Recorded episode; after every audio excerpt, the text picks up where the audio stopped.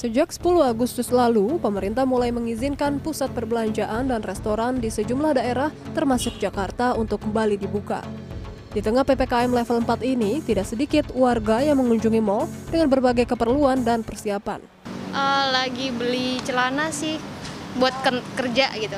Uh, yang pastinya bawa masker, uh, desinfektan sama hand sanitizer. Uh, untuk beli peralatan skincare dan uh, pakaian juga sih.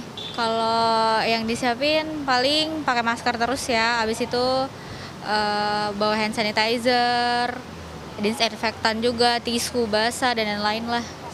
Keputusan pemerintah tersebut menuai kekhawatiran dari Organisasi Kesehatan Dunia (WHO).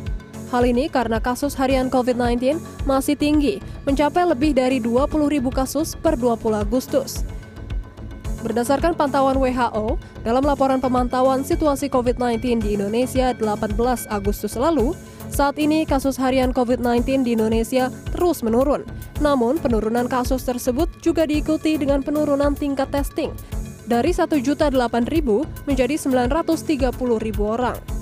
Kekhawatiran tetap muncul meski pemerintah memperketat sejumlah aturan bagi pengunjung pusat perbelanjaan, mulai dari syarat wajib vaksinasi, pembatasan usia pengunjung di atas 12 tahun, kapasitas maksimum 25 persen, jam operasional sampai jam 8 malam, hingga waktu dine-in yang dibatasi 20 menit saja.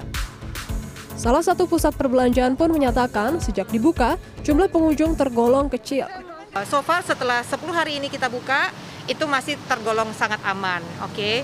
Jadi dari 125 ribu orang yang seharusnya ini kita cuma dalam waktu, uh, mungkin sekitar 10 sampai 20 persen aja.